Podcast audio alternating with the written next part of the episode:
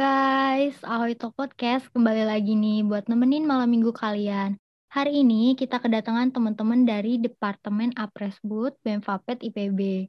Sebelumnya, kenalin aku Raisa dari Biro Medbrand yang sekarang ditemenin sama ciwi-ciwi cantik yaitu Witri sama Zulfa. Halo Witri, Zulfa. Halo.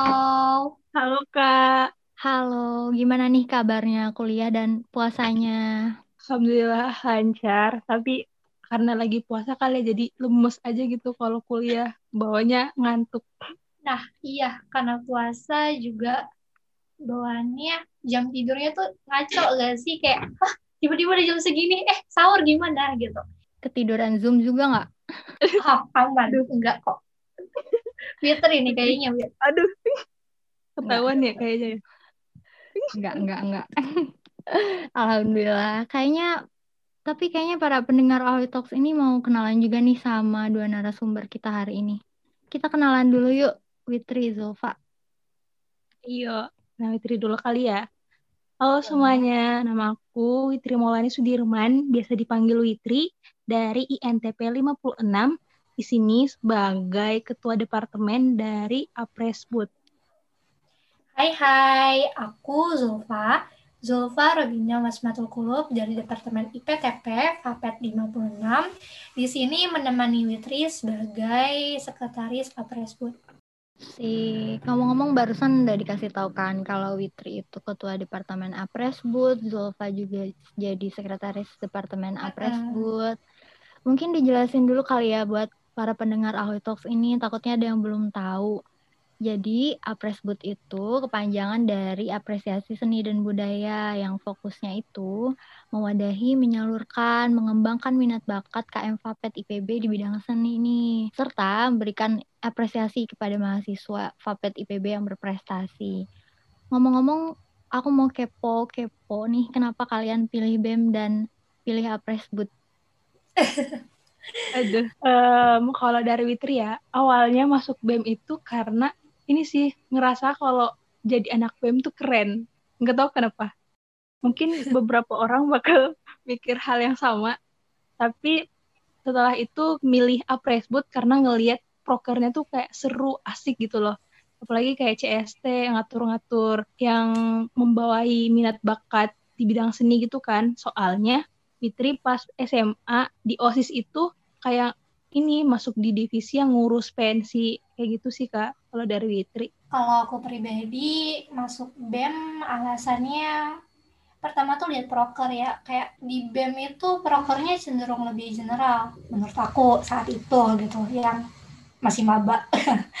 nah terus why Apresbud karena cukup menarik gitu. Kayak kita membantu teman-teman menampilkan potensinya bakatnya gitu loh. Mengajak teman-teman untuk menggali lebih dalam untuk mencoba berani tampil itu sih Nah, tadi disinggung sedikit katanya ada proker-proker dari Apresbud yang seru.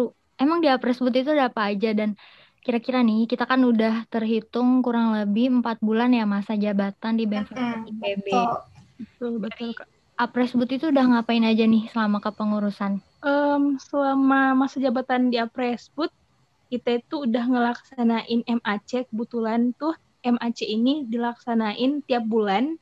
Nah karena ini baru bulan April berarti baru tiga bulan dari Februari Maret April. Terus udah persiapin kontingen juga untuk dikirim ke IAC udah lomba tinggal nunggu pengumuman. Semoga eh, Fapet bisa masuk tiga besar ya. Amin, Nah, amin, serius.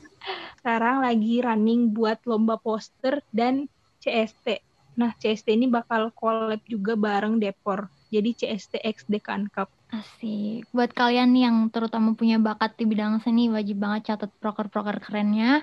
Kayak tadi yang udah disebutin, MEC, CSTX Dekan Cup, lomba poster, apalagi yang bermanfaat banget pastinya. Tapi tadi aku tertarik nih kalian nyinggung soal IAC. Gimana tuh persiapan kontingen dari Fapet sendiri buat IAC tahun ini? Sebenarnya kalau lagi online gini kurang berasa ya atmosfernya, euforanya.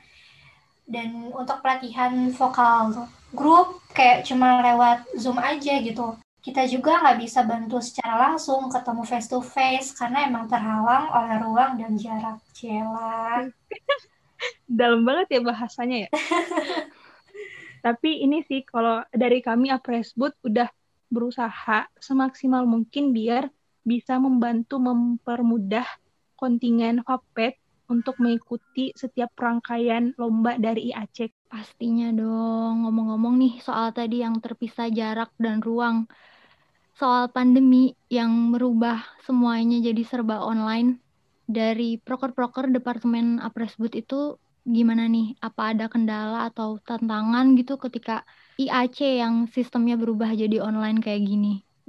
Kalau jadi online ini gak sih apa semua Fitri yakin semua departemen biro pasti ngerasain euforianya bakal beda kalau dia diadain secara online. Agak terasa kurang gitu loh. Ya enggak sih Zul?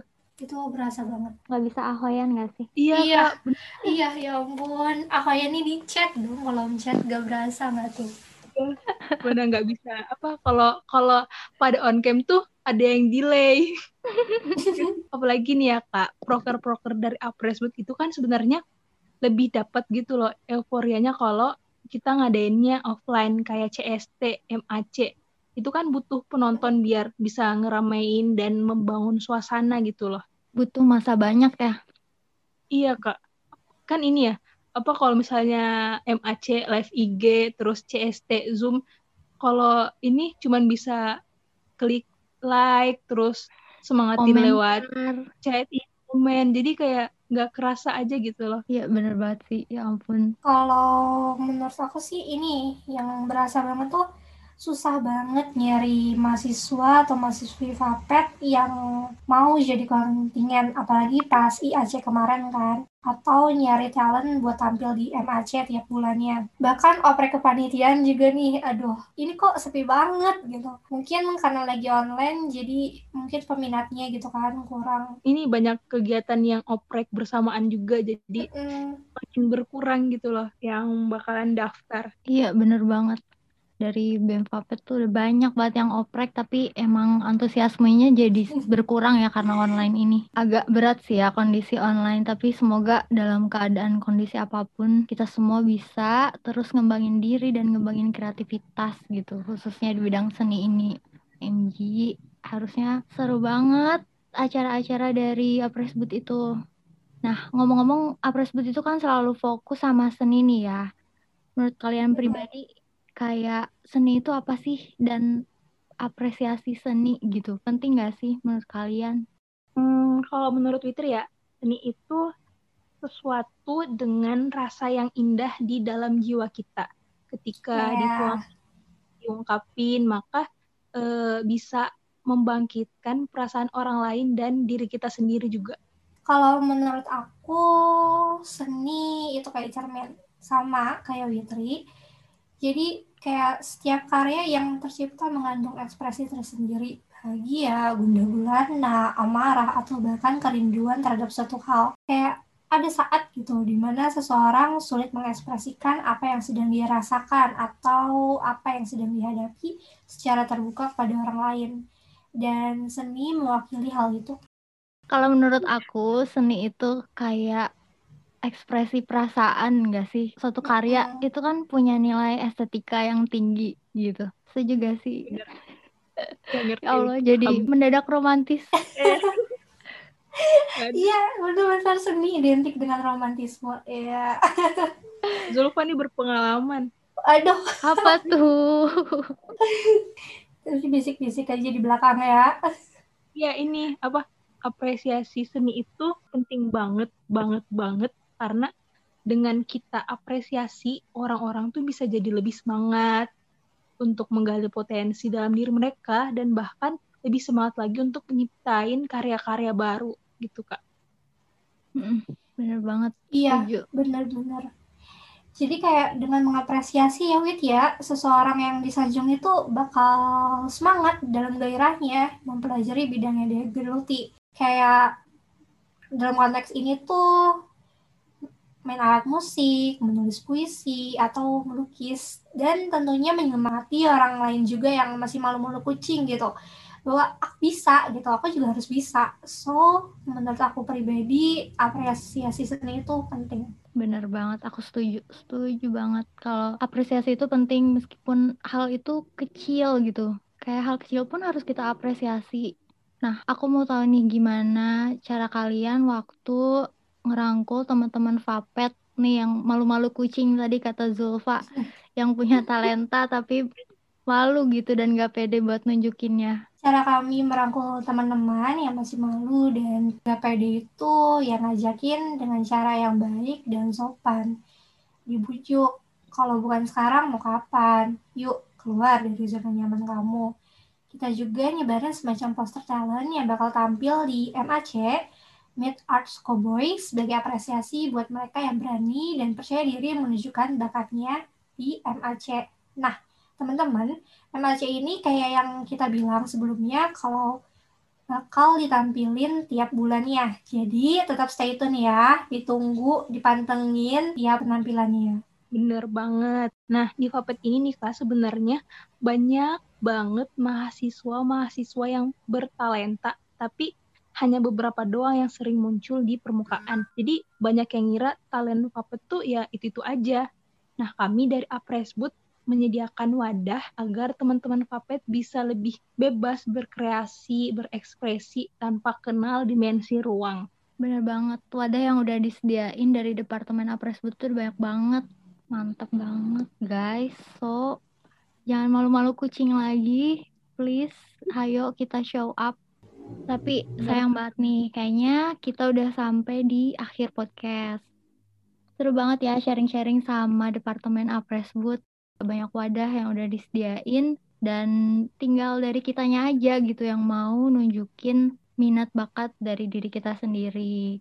Tapi tunggu dulu dari kalian berdua, ada nggak nih yang punya closing statement yang mau disampaikan ke para pendengar Ahoy Talks ini? Ada dong. Apa tuh? Nah, oke. Okay. Ayo teman-teman KM Vapet, jangan malu, jangan shy-shy cat dan ragu untuk show up your talent Soalnya Apresbud di sini hadir sebagai wadah media tempat untuk teman-teman mengekspresikan diri dalam berkarya di bidang seni. Tempat untuk mengembangkan, menggali, mengasah minat dan bakat kalian. Nah, jadi kalau bukan sekarang tuh kapan lagi? Yuk keluar dari zona nyaman kamu. Asik banget. Dari Zulfa ada nggak Zul? Semuanya udah diwakili Witri. Oh iya iya. Wah, makasih banget ya buat Departemen Apresbud yang udah jadi narasumber di podcast kita kali ini. Semangat selalu untuk kalian ya buat IAC dan make-nya setiap bulan itu. Semangat! Makasih Kak, semangat juga. Buat minggu depan nih, kita bakal kedatangan dari biro yang hobinya posting-posting di Instagram. Siapa lagi kalau bukan dari biro Medbrand, biro kesayangan aku. Jangan lupa Buat kalian yang penasaran, wajib banget tungguin podcast kita selanjutnya. Jangan ke mana-mana, let's sit and talk with Ahoy Talk.